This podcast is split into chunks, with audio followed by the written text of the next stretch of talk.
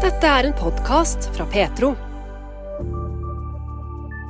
Religion spiller en vesentlig rolle i kampen og retorikken rundt Ukraina. Samtidig er det kirkene som er stedet der ukrainerne søker trøst når krigen nå har rast i ett år. Alle er Guds barn. Det gjør det mulig å ha fellesskap, uavhengig av språk, kultur og nasjonalitet, sier Bente Sandtorp. Men hvordan gjøre tverrkulturell kirke i praksis? Og i en tid med høyt tempo kan det være godt og viktig å øve seg på stillhet, mener Anne Berit Aasland, som inviterer til retreat.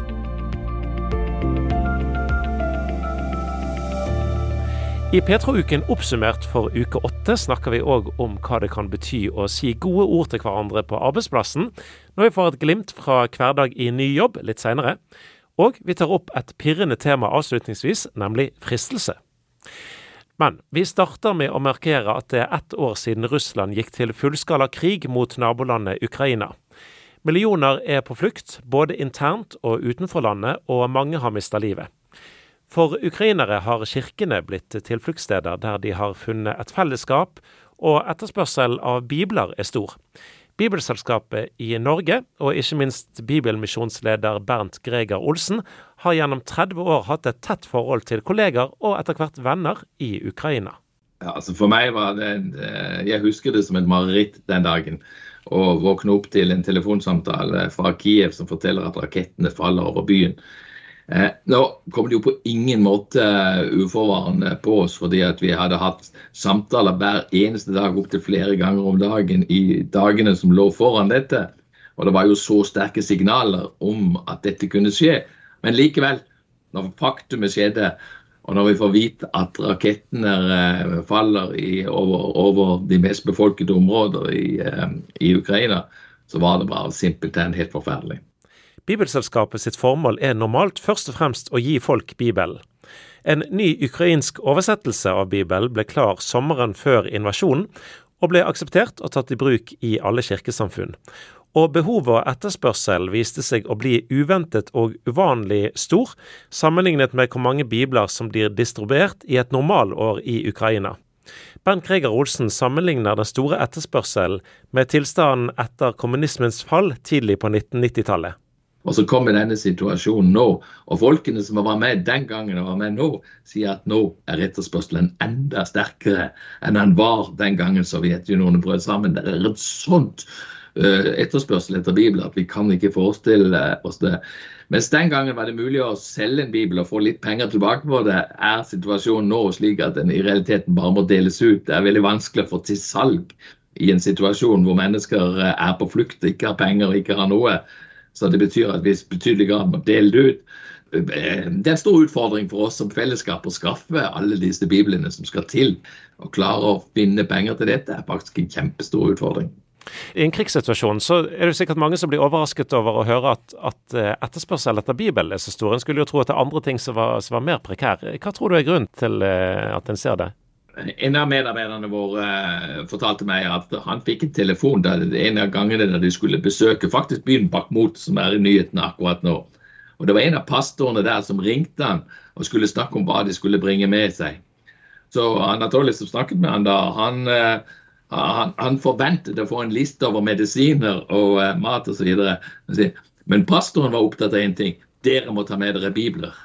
Det vi trenger nå, vi trenger håp.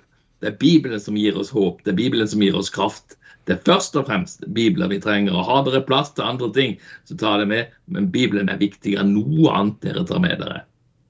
Og Du nevnte eh, Anatolij Rajkinets her, som altså er assisterende generalsekretær i Bibelselskapet i, i, Ukraina. Han sier at det finnes ingen eh, ateister langs frontlinjene. Vi har snakket faktisk om det denne uken. Akkurat nå befinner han seg faktisk i Bakhmut-området Eh, i, i, kampområdet. slik at jeg fikk en hilsen nå hvor det var litt for mye skyting i bakgrunnen til at, at jeg syntes det var på en måte hyggelig, men, men, men det var virkeligheten. Og eh, han, han, opplever, for han har gjennom hele dette året hatt enormt med møter, ikke minst med soldater, men også mennesker som bor i disse områdene. Og han sier at du opplever aldri et menneske som da står fram og ikke tror. Og ikke minst nå, så sier han vi møter alle disse som er igjen i områdene. her, og Det er gjerne folk som har hatt et veldig stor tro på Sovjetunionen og egentlig har ønsket velkommen eh, denne, de, russerne. og i betydelig grad gjør det, av de eldre, gamle kommunistene. Han sier at I utgangspunktet er dette ateister, alle sammen. og De sier det at vi er ateister, men nå ønsker de seg en bibel. Så dette er eh, et eller annet skjer når ting blir satt på spissen, når livet blir så presset. Da søker man etter åndelige verdier.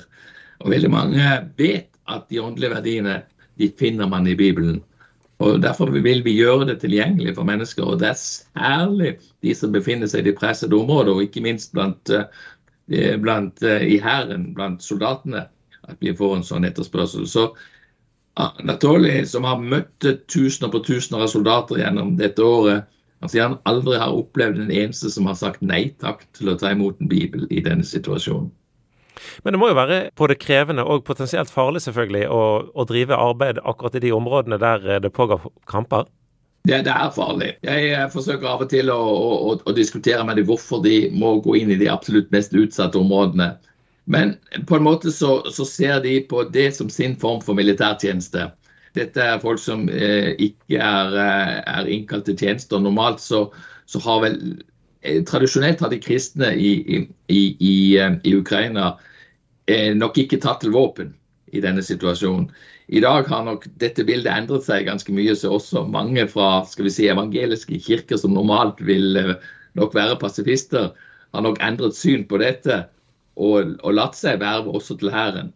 Men for de som ser at de har en stor og viktig oppgave å gjøre utenom de væpnede styrker, de ser at dette er den tjenesten de kan bidra med, og de ser hvor mye det betyr, både for soldater som får dette besøket, og ikke minst alle de familiene de møter.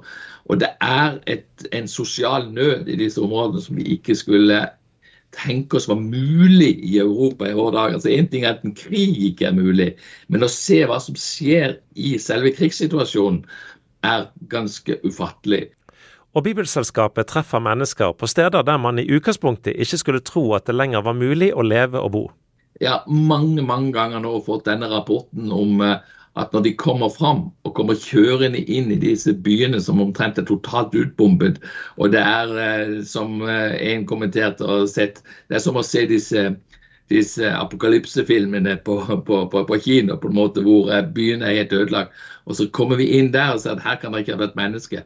Og så kommer det fram masse barn og samler seg rundt bilene. Og de er skitne, de, de, de er skremte.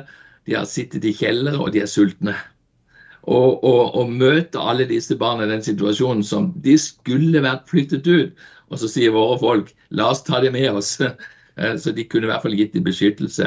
Men mødrene, for det er mødre vi snakker om, fedrene er drept for lengst, eller besteforeldrene som er der, de nekter å sende barna fra seg. Og de nekter å reise sammen med barna.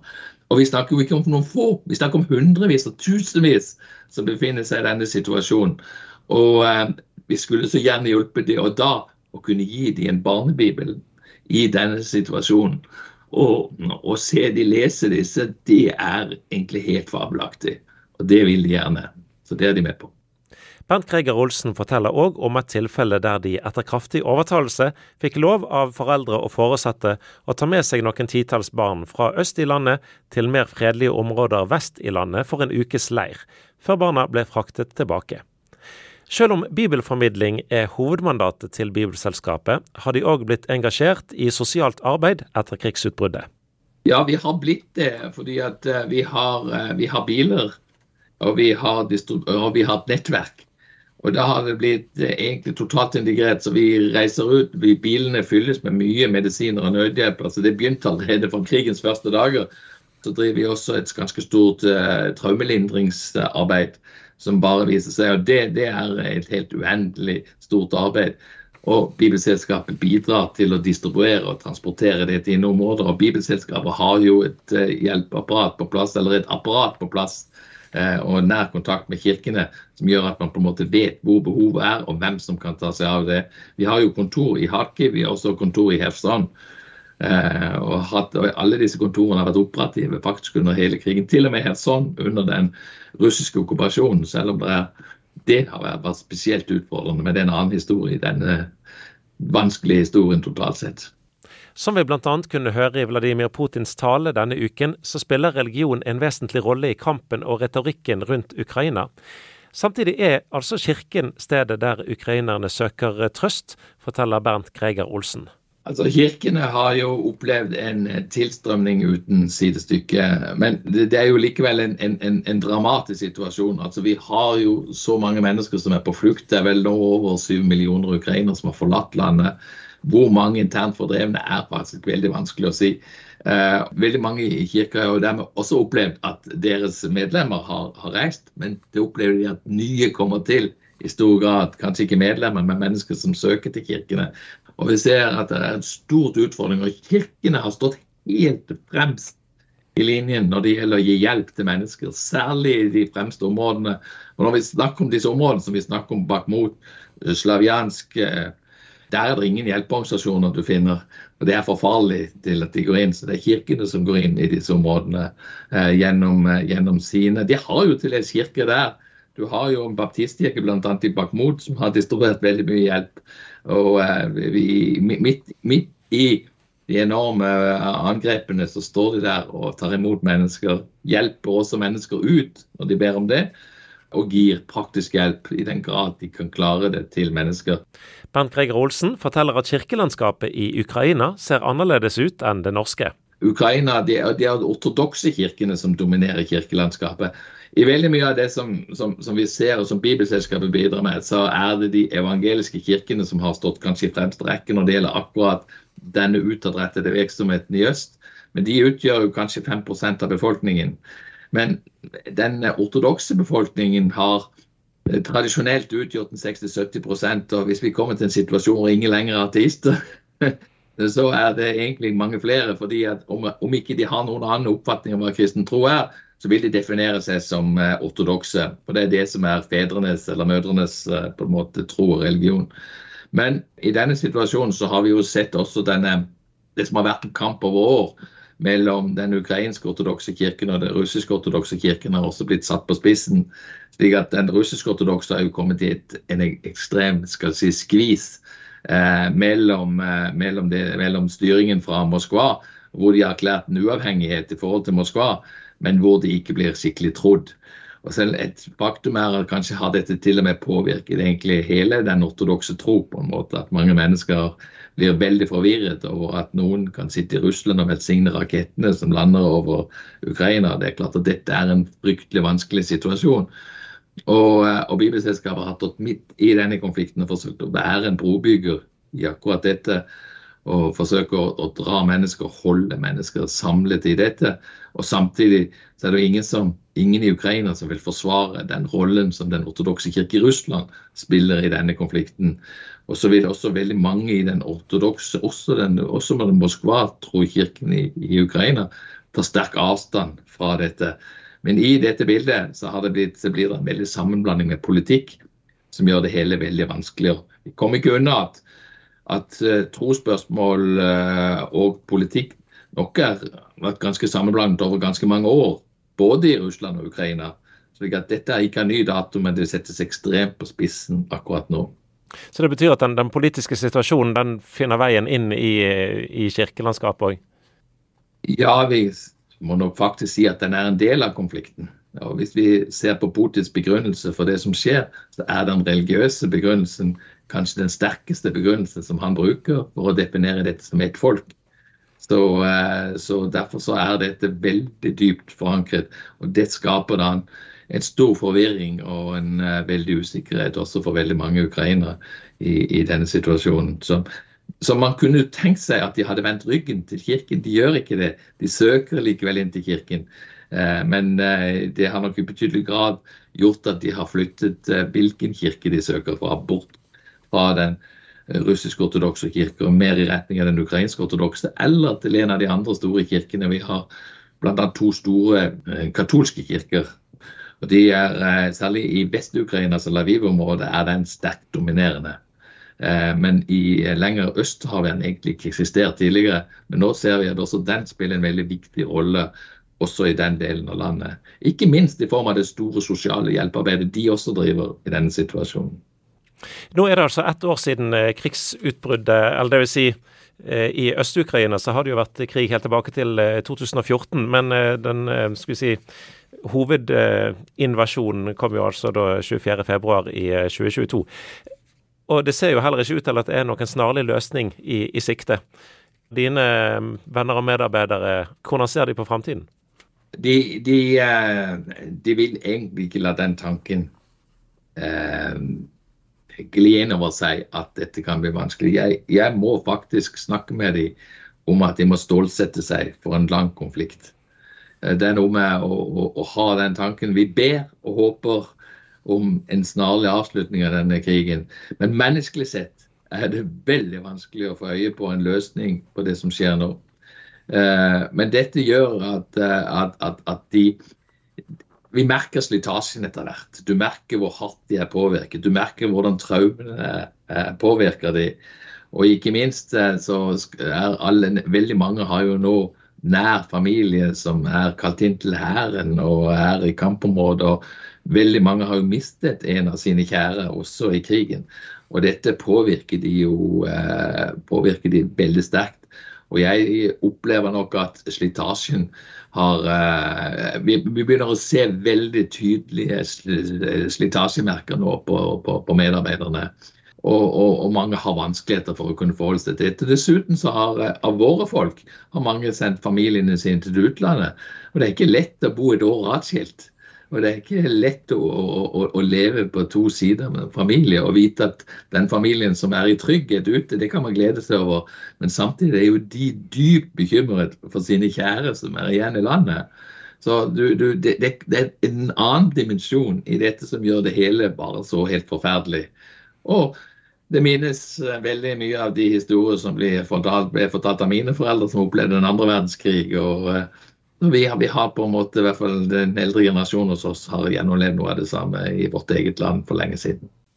Det sa bibelmisjonsleder i Det norske bibelselskap Bernt Greger Olsen, og du kan lese mer om arbeidet som de driver hvis du går til Bibelselskapet sine hjemmesider.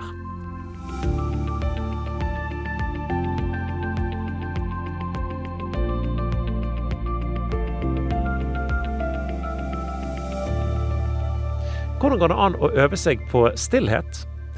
For mange så kan det være godt å komme avsides for å komme nærmere Jesus gjennom en helg på retreat. Anne Berit Aarsland brenner for dette, og forklarer ordet retreat på denne måten. Det er at vi trekker oss tilbake for det som vi egentlig gjør i hverdagen. Det er at du setter av tid til å være i lag med Gud. For i Markus så inviterer Jesus oss til å komme et øde sted der vi kan være alene og hvile oss litt. Og det som vi ønsker å invitere folk til, det er at vi ønsker at de skal få lov til å komme avsides, stoppe opp og løfte blikket på Jesus. Bruke tid i lag med han. Hvorfor tenker du at det kan være viktig og godt for kristne å reise på retreat? Vi lever i en tid som er mye prega av høyt tempo. Både med jobb i heimen, frivillig arbeid som vi kan fylle dagene våre med. Og vi har det ofte travelt, mange. Og da kan det være lett å miste blikket på det som egentlig syns er det viktige. Så det å bruke tid i lag eh, med Jesus for å bli kjent med han og vandre i totakt med han. For jeg tror at Jesus han lengter etter å bruke fellesskap med oss mennesker. Han lengter etter at vi skal lytte til han, hva han har å si. Så det, retreat er virkelig stoppe opp og få lov til å lytte og, og gå litt i lag med Jesus. Du snakket om det å være avsides, og nå er Ognaturen en leirplass sør på Jæren. For somme er det litt avsides, bare plassen der. Men dere har jo veldig mange arrangement, utleie og catering. Um, hva gjør at dere nå har valgt å satse på dette og bruke ressurser på, på retreatarbeid? Jeg må si at Gud har kalt dere. Han har kalt enkeltpersoner av vi som er ansatte i IMF Rogaland. Og dette har blitt bekreftet på mange plan. Og også Ognatunstyret og kretsstyret har virkelig eh, kommet fram til dette, i tillegg til at Gud kalte oss enkeltpersoner. Så det har vært en veldig spennende reis, egentlig. Noen av oss er veldig ekstroverte, har behov for å være med folk, behov for å snakke med folk, og kanskje inntrykk av en retreat er at å nei, da må det være stille med alle måltid, og jeg tror ikke jeg klarer ei helg å bare være rolig. Hva, har du noen tips til oss, holdt jeg på å si? Jeg tenker at det, det å være rolig, det er litt en øvelse. Så det å være på retreat, det kan eh, være med på å hjelpe deg til å øve på det å være stille og på det å lytte. Jeg har selv måttet øve på det. For det, når du er stille og setter av tid til å, å være i lag med Gud, så, så, er det så mange tanker som kan dukke opp. Er du hjemme, så kan du finne på fullt av ting. Jeg skal bare sette på en maskin med klær, jeg skal bare, jeg skal bare. Mens eh, det å bestemme seg for at nå skal jeg sette av tid til, til Gud, da er det at vi er i et fellesskap i lag med andre, det er med på å hjelpe en til å faktisk gjøre det og klare det. Så det å øve på det, det er noe vi gjør på en måte i begynnelsen. Det er første gangen du er på retreat, så, så blir det på en måte en øvelse. Men så har du opplevd det og oppdaget det som en skatt, så er det ikke lenger på samme måten vanskelig. Men vi i fellesskap kan hjelpe hverandre til å finne roen. Hva skal vi gjøre når de urolige tankene kommer og sånne ting. Sånn at det, eh, det å, å gjøre det i fellesskap, det er enormt verdifullt. Å hjelpe hverandre til å ikke bare være stille, men også når vi har funnet stillheten, søke Gud i stillheten. For det er jo det vi er egentlig opptatt av. Det er ikke stillheten, men det er å søke Gud, møte Han. Du Fortell nå hvordan en sånn helg på Ognaturen kan se ut. Da har vi faste bønner. Vi har bønnemøte tre ganger til dagen. Det som vi kaller for tidebønner. Så har vi stille måltid, der eh, du kan få lov til å være i din prosess mens du eter. Der du egentlig har fått gjerne Eh, en bibeltekst som du skal grunne på denne dagen. Så tar du den teksten med deg gjennom hele dagen. Og mot kvelden så deler vi med hverandre det som vi har fått ut av dagens bibeltekst. Og Det som vi også tilbyr, det er åndelig veiledning at alle får samtale der en spør hva er det Gud eh, sier til deg i dag? Hva er det han taler til deg gjennom dagens tekst, eller det som de står i, da. Så er det eh, tid for å gå tur. Det er jo flotte turterreng og flott landskap på Ogna, som har masse å tilby der. Og så er det òg satt av en time til lovsang, der vi ønsker å bare prise Gud. Sjelesorg og retreatleder Anne Berit Årsland. Du brenner for eh, retreat, og skal altså arrangere det på Ognatun eh, framover. Hvordan har ditt eget kristenliv forandra seg etter at du har vært på retreat?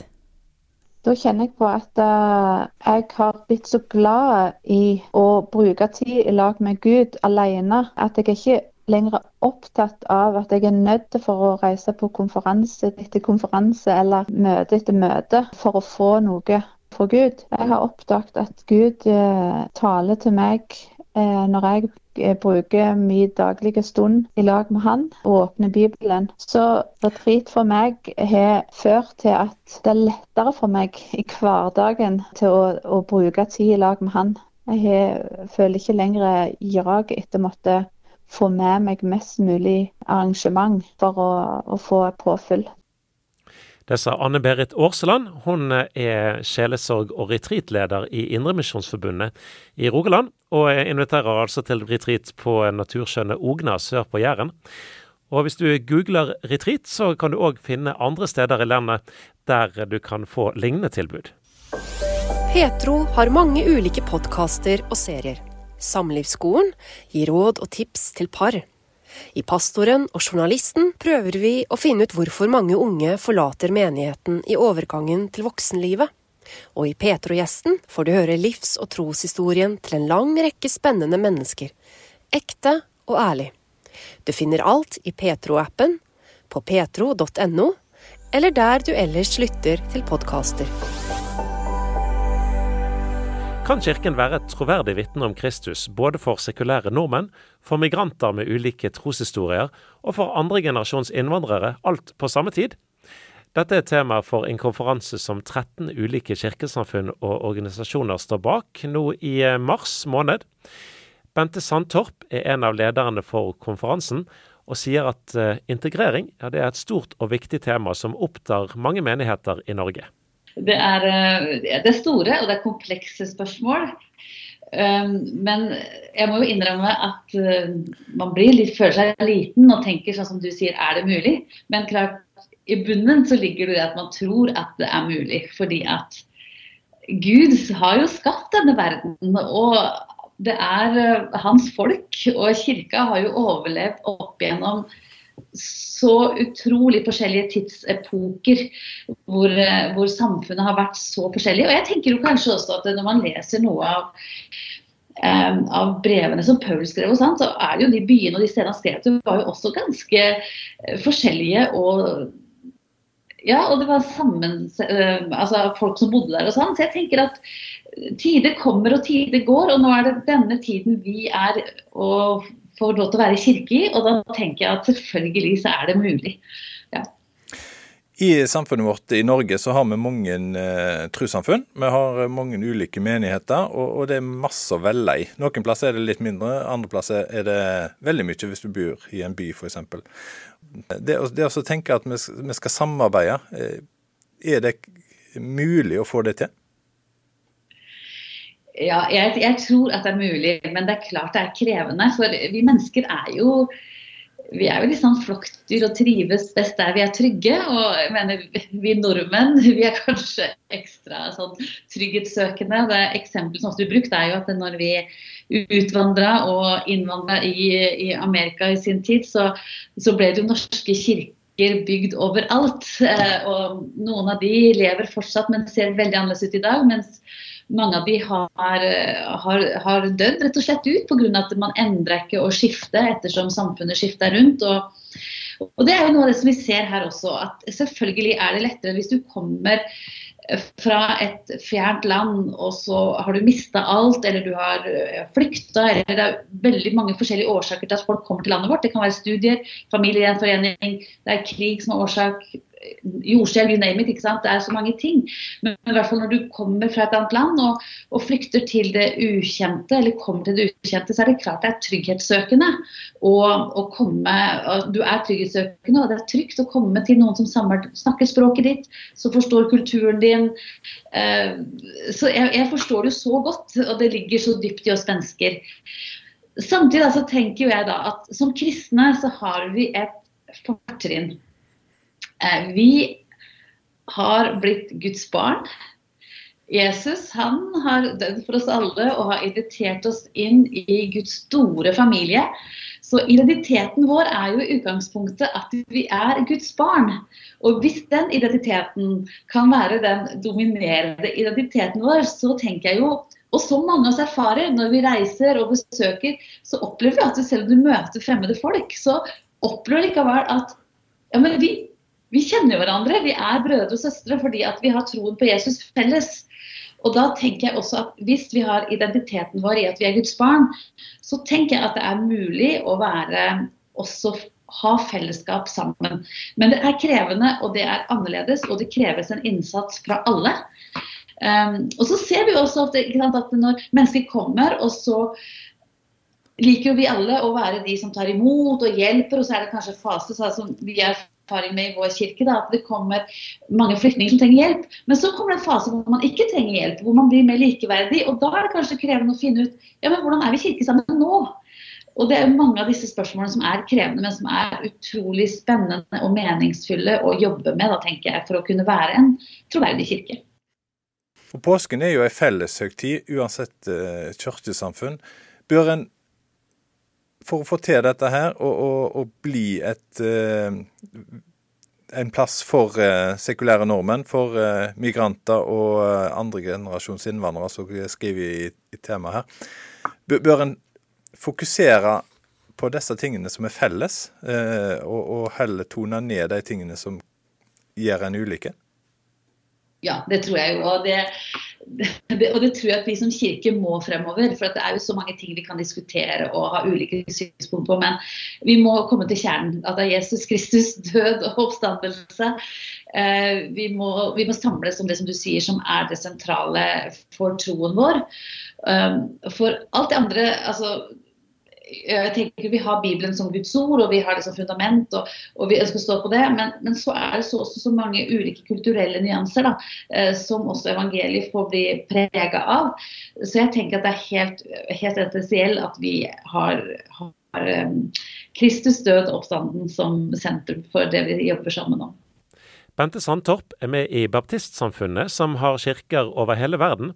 Gir det en fordel i integreringen i menigheter når mennesker kommer til Norge og har bakgrunn fra baptistkirker andre steder på kloden?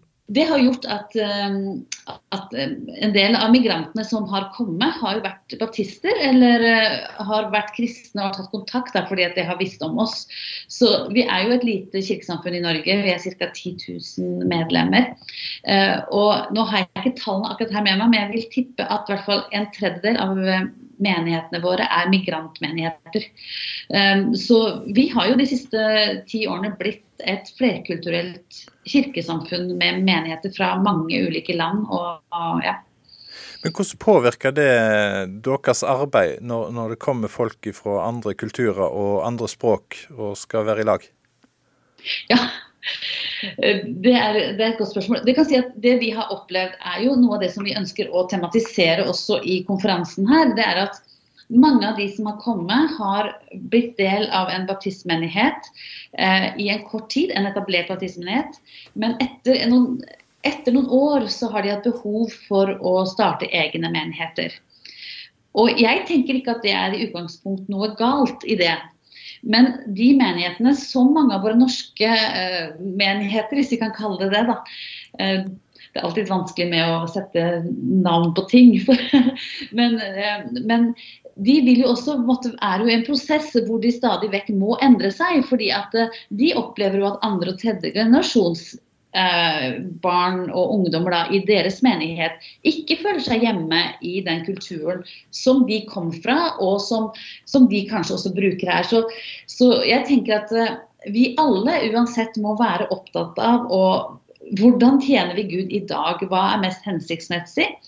Og da, da, vil det jo være sånn som Bare her i Oslo, da, hvor jeg sitter og hvor jeg, hvor jeg har kontor og jobber, så har vi 14 baptistmenigheter, og veldig mange av de er migrantmenigheter. og det er fantastisk. Det er etiopisk, det er tamilsk, det er chin, det er karen, det er andre grupper fra Myanmar.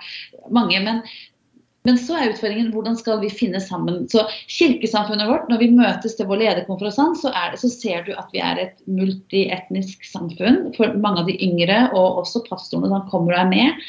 Så det har vært en kjempeberikelse. Men noen, av våre lokale menigheter, og da tenker jeg også nasjonalt, er internasjonale. Men vi mangler kanskje sånn skikkelig hvor vi gjør dette sammen. Og det er jo det som jeg har prøvd å plante i Oslo, da, og noen andre står, at vi prøver å være en kirke hvor vi faktisk helt fra, fra bunnen av er en flerkulturell menighet. Altså det, er, det, er, mange nyanser og mange varianter her. Konferansen som vi snakker om i bånn her, den eh, er dere flere som er i lag om. 13 eh, ulike trossamfunn er med å arrangere dette.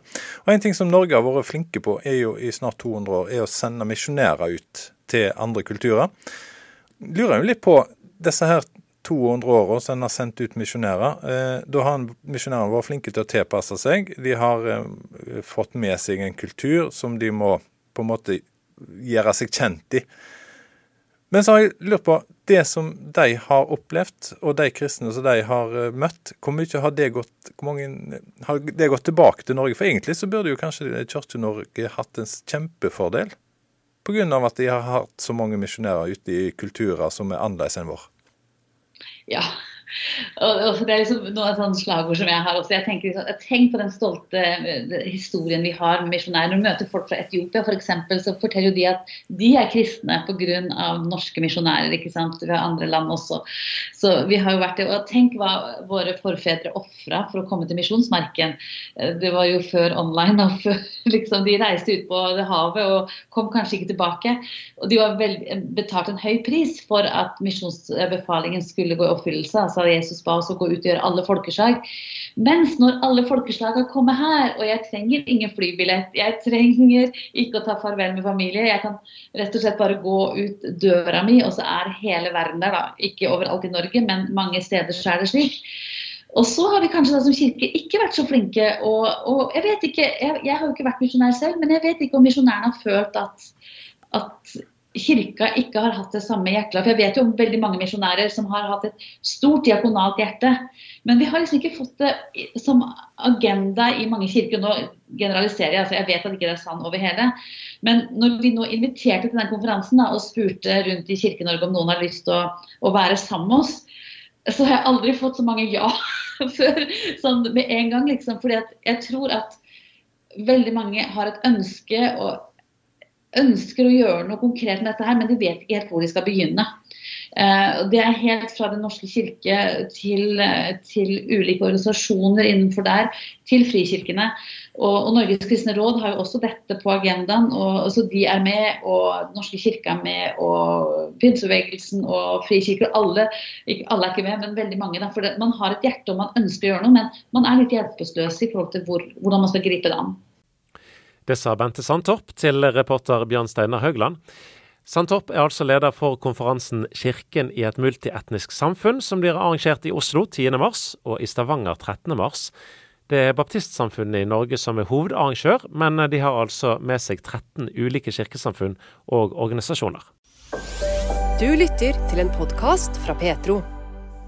Hva kan det bety med gode ord til en kollega, drømmer for jobben du holder på med, eller det å reise hjem fra en konferanse full av inspirasjon. Jeg vet ikke om du har tenkt i eh, disse baner den siste tiden, men det har Steffen Stensland gjort. 1.1 så begynte han som regionleder for Misjonssambandet sitt arbeid på Nordvestlandet. Og i serien 'Dette har gjort meg glad', som vi sender hver uke på Petro, så forteller han mer fra sin oppstart i jobben.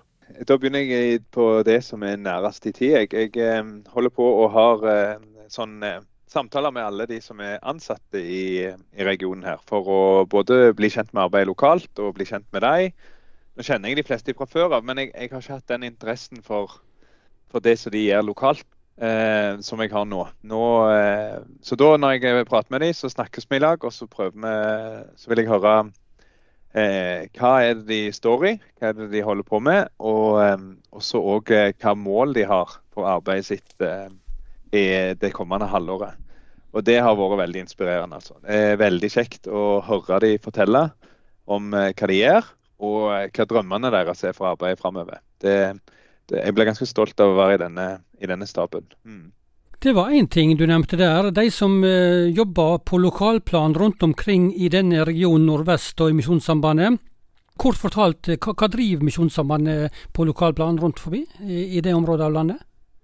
Ja, altså de jeg har snakket med, de står mye i alt fra barne- og ungdomsarbeid til forsamlingsarbeid. De reiser rundt som forkynnere eller følger opp lokale foreninger og fellesskap. Eh, men i tillegg til det så har vi jo barnehager. Vi har en nydelig videregående skole. Eh, og så er vi òg medeiere i en folkehøgskole. Eh, Nordvestlandet folkehøgskole og Vestborg videregående skole. Og så eh, har vi òg gjenbruksbutikker. I tillegg til en lokalradio. Så det er, det er, ganske mye forskjellig det vi driver med her oppe. Og så Jeg må si én ting til om staben. fordi eh, I staben så har vi ei som er administrasjonsleder, Anne Marit. Hun er, hun er veldig god på å bygge kultur. En god kultur i staben. Og, eh, og hun, Nå hadde vi stabsmøte på tirsdag. og Da pleier vi å ha en sånn en delrunde der vi får høre fra arbeid som folk står i. Og det, det er spennende og kjekt å høre det de står i. Men i tillegg til denne gangen så skulle, vi, så skulle vi si noe positivt om den som satt til venstre for oss.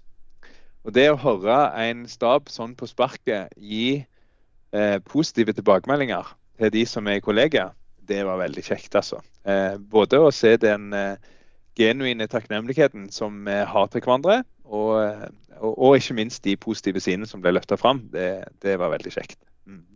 En ting til som har gleda deg siste tida nå, forholdsvis ny i denne stillingen som, som leder i Region Nordvest i Misjonssambandet, Steffen Stensland, det var en sånn konferanse du var på i Oslo nylig. Fellesskap, stikkord der?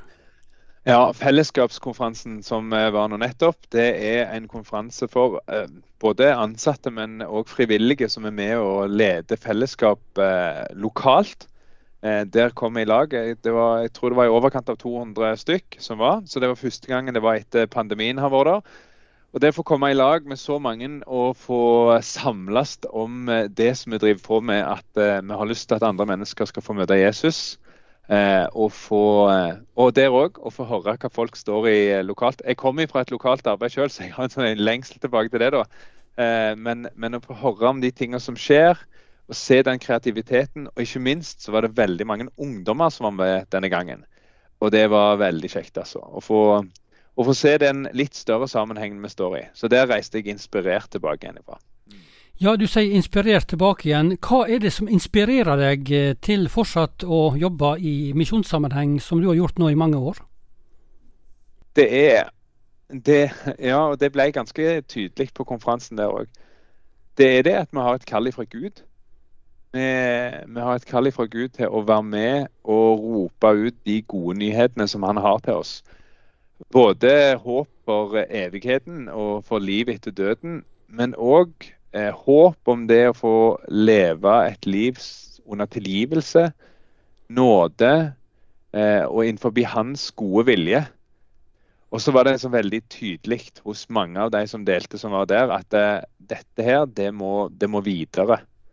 Eh, med, med, det var mye som var om det å bygge opp de som allerede kjenner Jesus, altså. Men det var en sånn skikkelig puls i at dette, det må andre òg få, eh, få tak i. Og, og når jeg da får eie det. Altså Når jeg har møtt Jesus, så, så, så sitter jeg og, og, og, og bare eh, gleder meg og er helt enig i ja, dette det må andre òg få tak i. For dette er, det er verdt alt, altså. Det var det altså Steffen Stensland som sa. Han er nylig blitt eh, regionleder for Misjonssambandet i region Nordvest. Intervjuet her, det var Inge Kallestad. Takk for at du lytter til denne podkasten fra Petro. Liker du det du hører, setter vi pris på om du tipser andre om radiosendinger og podkaster fra Petro. Du finner oss på DAB, og både radiosendinger og podkaster er tilgjengelige i Petro-appen, som enkelt lastes ned fra Google Play eller AppStore.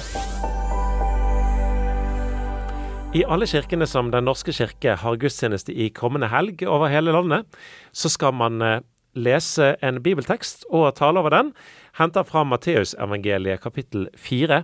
Der fortelles det at Jesus blir ledet av eh, Ånden ut i ørkenen for å bli fristet av djevelen. Og fristelse, ja det er altså temaet for eh, denne ukens refleksjoner ved pastor i pinsemenigheten Betel på Nærbø i Rogaland, Magnus Nebdal. Mange forbinder nok dette ordet med kakeoppskrifter, eller sjokolade kanskje. Det er visst lov å la seg friste, ifølge noen, og en god kakeoppskrift må selvsagt være fristende. Når vi finner ordet fristelse i Bibelen, har det en mye større horisont. Ordet som ligger bak, kan faktisk oversettes både med fristelse og prøvelse. En fristelse er enkelt sagt å ha lyst til å gjøre noe man vet er galt. En prøvelse, derimot, er en vanskelig og krevende situasjon man må gå gjennom, hvor ens tro og karakter blir prøvd. Og man kan lure på hva to så ulike ord kan ha til felles. Hva har fristelse og prøvelse med hverandre å gjøre? Hvis vi tenker litt på det, så er de kanskje ikke så forskjellige allikevel. Når vi blir fristet til å gjøre noe vi vet er galt, blir jo karakteren og troen vår prøvd. Gir vi etter for våre lyster, eller er vi prinsippfaste og gjør det som vi vet er rett? Og når vi blir prøvd i vanskelige og krevende situasjoner, så finnes det alltid en fristelse der. En fristelse til å gi opp noe som egentlig er viktig, en fristelse til å kompromisse på en overbevisning, eller til å ta en snarvei, kanskje, eller hvis andre mennesker står bak prøvelsen og gjør livet vårt vanskelig, så kan vi bli frista til å ta igjen. Alle som noen gang har eksistert, har fått erfare disse tingene, og Bibelen forteller oss at Jesus også har blitt prøvd i alle ting. Han vet hva dette er for noe. Forskjellen på oss og Jesus er at Jesus aldri ga etter. Han falt aldri i fristelse og sto gjennom prøvelsene. I søndagens tekst blir han fristet av den onde med både mat og ære og herlighet, men Jesus gir ikke etter. Og det er veldig gode nyheter. Hvorfor det? Jo, fordi kjernen i den kristne tro er det som Luther kalte det salige bytte. En fantastisk byttehandel. Jesus Kristus døde på korset for å ta på seg vår synd. Det er det vi gir han, vår synd. Og hva gir han oss tilbake? Jo, han gir oss sitt rettferdige liv. Å være en kristen er å være i Kristus. Å stå framfor Gud kledd i det fullkomne livet som Jesus levde, hvor han aldri falt. Bare på den måten kan vi være Guds barn og få leve evig sammen med den gode, rettferdige og hellige Gud som Gud er. Nøkkelen er ganske enkelt å stole på Jesus, den han er, og det han har gjort. Ganske enkelt å tro på ham.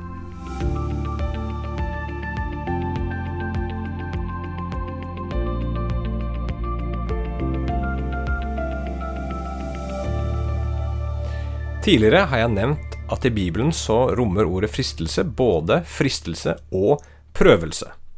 Altså både det at vi har lyst til å gjøre noe vi vet er galt, og at troen og karakteren vår prøves gjennom vanskelige omstendigheter. Det de begge har til felles, er at begge to er situasjoner vi kommer opp i som gjør at det som er på innsiden av oss, kommer ut. La oss se litt på dette med fristelse. Vi vet hvordan det ofte går for seg. Det begynner med en lyst eller lengsel. Det begynner med noe vi føler vi trenger. Det kan være penger, det kan være ting vi gjerne vil ha, det kan være lengsler på det seksuelle området, eller det kan være en lengsel etter anerkjennelse, for å ta noen eksempler. Så ser vi en vei til det vi kjenner vi trenger, men en vei som vi vet er gal. Men vi trenger det jo, føler vi. Kanskje vi også opplever at vi fortjener det, fordi livet har vært urettferdig mot oss, fordi vi har ofret så mye, fordi vi ofte har tenkt så mye på andre, og nå trenger vi å tenke litt på oss selv.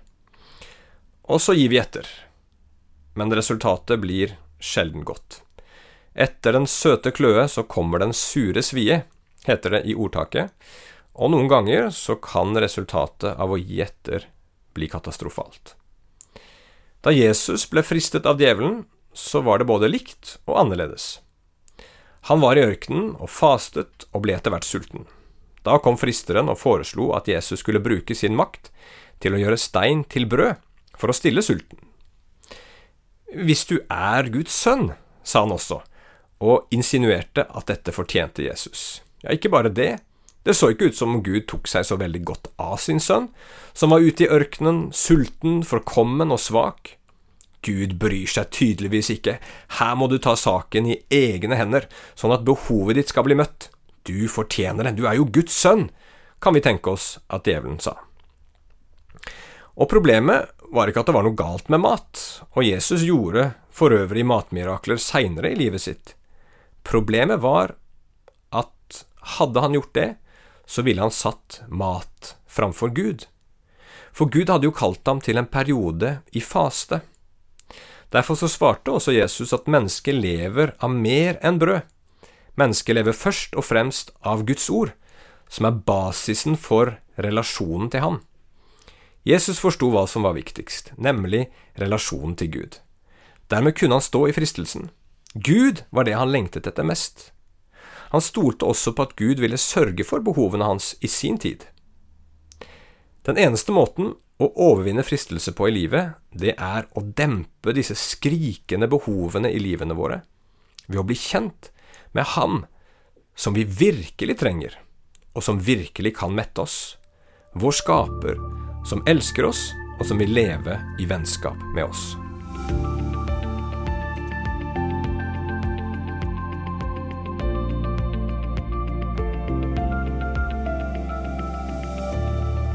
La oss snakke litt om prøvelser i dag. Fristelser er ting vi føler vi trenger, eller kanskje også fortjener. Prøvelser er på en måte det motsatte. Det er ting vi føler vi ikke trenger, og ikke fortjener. Vi føler at det vi trenger mest, er et rolig og harmonisk liv hvor ting stort sett går bra. Ja, det er vel også det vi føler vi fortjener. Men så rammer ulykker, sykdom, problemer i familierelasjoner, problemer på jobb, og du kan bli offer for andre menneskers egoisme eller ondskap. Og hvordan reagerer vi da? Det kan variere, men det som er felles for alle, er at det er det som er på innsiden av oss, som kommer ut. Når man klemmer på en appelsin, så kommer det appelsinsaft ut. Når vanskeligheter og prøvelser klemmer på oss, ja, hva kommer ut da? Mye rart. sinne kanskje, bitterhet, hevntanker, anklager, forsøk på å kontrollere menneskene rundt oss, utakknemlighet, selvoppdathet, ja, listen kunne vært mye lenger. Ofte tror jeg vi tror ganske godt om oss selv. Det der ville aldri jeg gjort, kan vi tenke, når vi ser andre mennesker ta dårlige valg.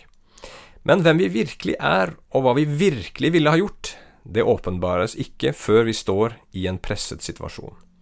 Da kommer innsiden ut, og resultatet er ikke alltid så vakkert. Men det som er det mest alvorlige, og som åpenbares i vanskelighetene, er at vi ikke stoler på Guds allmakt og godhet. Gud kan umulig elske meg eller bry seg om meg når han lar meg gå gjennom dette. Men Jesus, han viser oss to ting. For det første, at å møte fristelser og prøvelser av verste slag ikke betyr at man ikke er elska av Gud. Jesus, Guds elskede sønn, gikk gjennom alt det som vi kan lese om i Bibelen, helt til døden på et kors. Men han var elska av sin far. Men det som er enda mer betryggende, er at Jesus gikk til korset med alle våre synder, slik at vi skulle få tilgivelse og kan være med Gud for alltid. Det er en utvetydig åpenbaring fra Gud, hvor han sier, Jeg elsker deg til døden.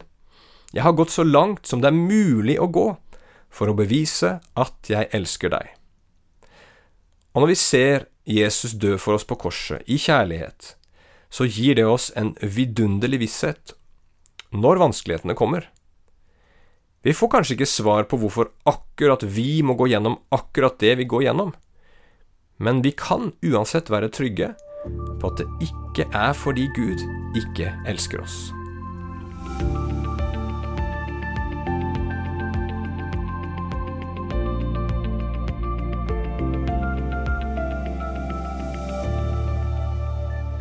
Vi skal fortsette å snakke om fristelse ut fra fortellingen i Matteus 4, hvor Jesus blir fristet i ørkenen. Hvorfor forteller egentlig Bibelen oss denne historien? Hvis man ser litt nøyere etter, så er dette en historie som peker mot en annen historie om noen som også var i en ørken. Ikke i 40 dager sånn som Jesus, men i 40 år. Denne historien peker på israelsfolket. Men det er en stor forskjell. Der hvor Jesus hele veien ble stående når han ble frista og prøvd, så falt israelsfolket gang på gang. De hadde heller ikke mat, sånn som Jesus, og ble sultne, men i stedet for å stole på Gud, så begynte de å klage og lengte tilbake til sitt gamle liv i Egypt, der de hadde vært slaver. De også hadde blitt lova et herlig rike av Gud, et land som skulle flyte med melk og honning. Men i stedet for å stole på at Gud skulle gi dem det i sin tid, så lagde de seg en avgud, en gullkalv, som de tilba, og som de håpte skulle lede dem inn i det lovede landet.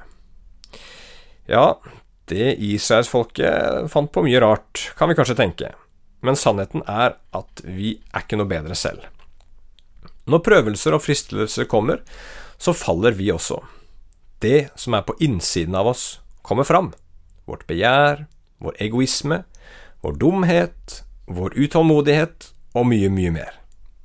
Men dypest sett så handler det, som det også var tilfellet for israelsfolket, om at vi ikke stoler på at Gud er god.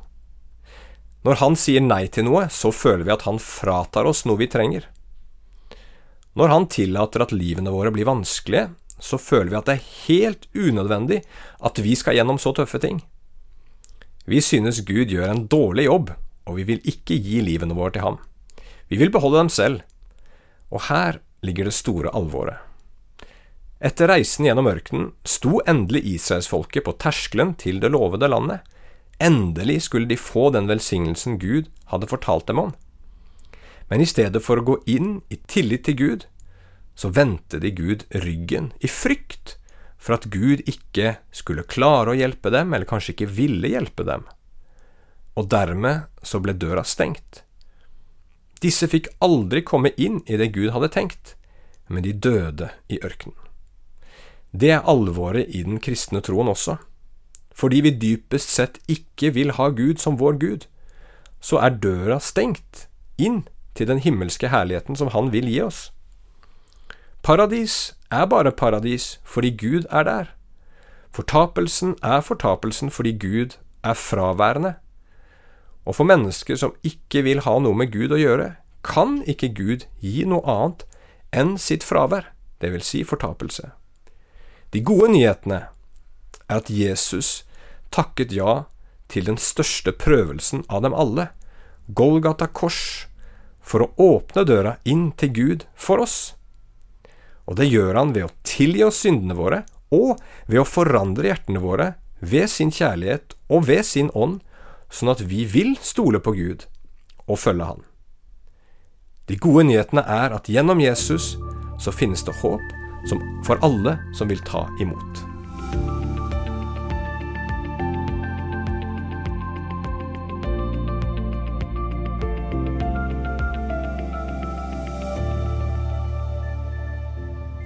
Hvordan kan vi stå i fristelse?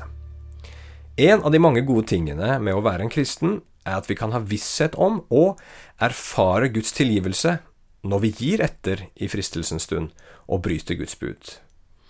Når vi bekjenner vår synd, så blir vi vaska rene, vi blir reist opp, og vi blir gitt en ny sjanse igjen og igjen. Samtidig så vil vi oppleve at vi lengter etter å bli forandra. Når vi trår feil, så får det ofte negative konsekvenser, både for oss selv, for mennesker rundt oss, og det er jo ikke til Guds ære. Så derfor så tror jeg at vi alle sammen vil ha mindre av det.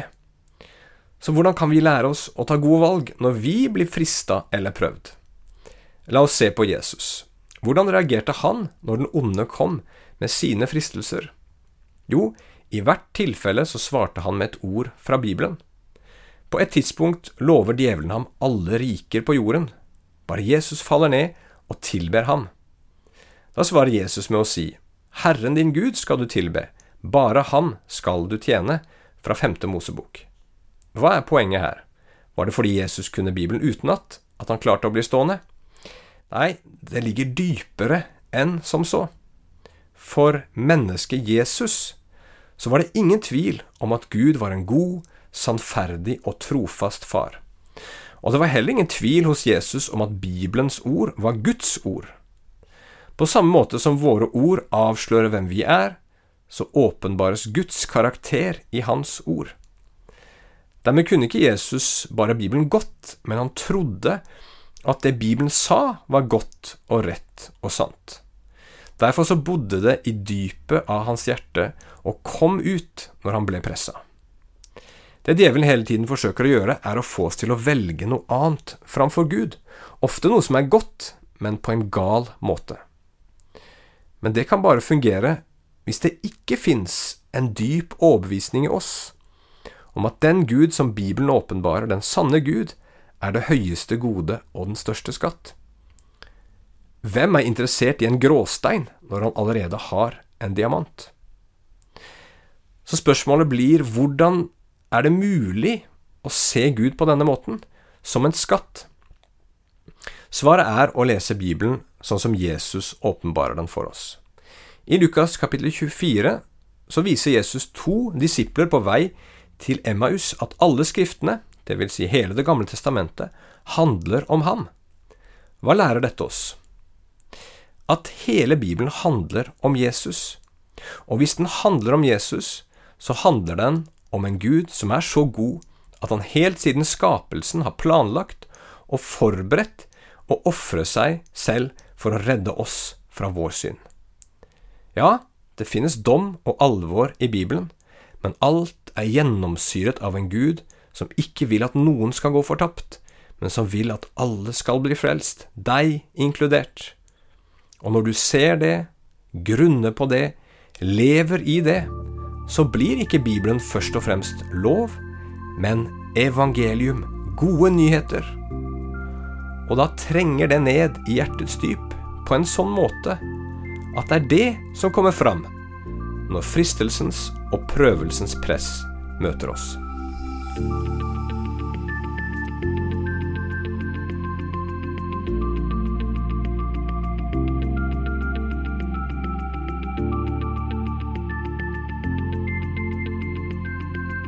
Og med det var Petro-uken ferdig oppsummert for uke åtte. Det kommer selvfølgelig en ny podkast om en uke. Jeg heter Bjørn Inge Sagstad. Vi høres.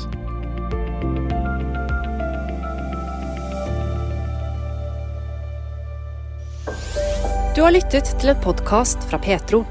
Flere podkaster fra oss finner du bl.a. på petro.no og i Petro-appen. Der kan du også høre radiosendingene våre 24-7. Husk også at vi sender på DAB mange steder i Norge. Vi høres!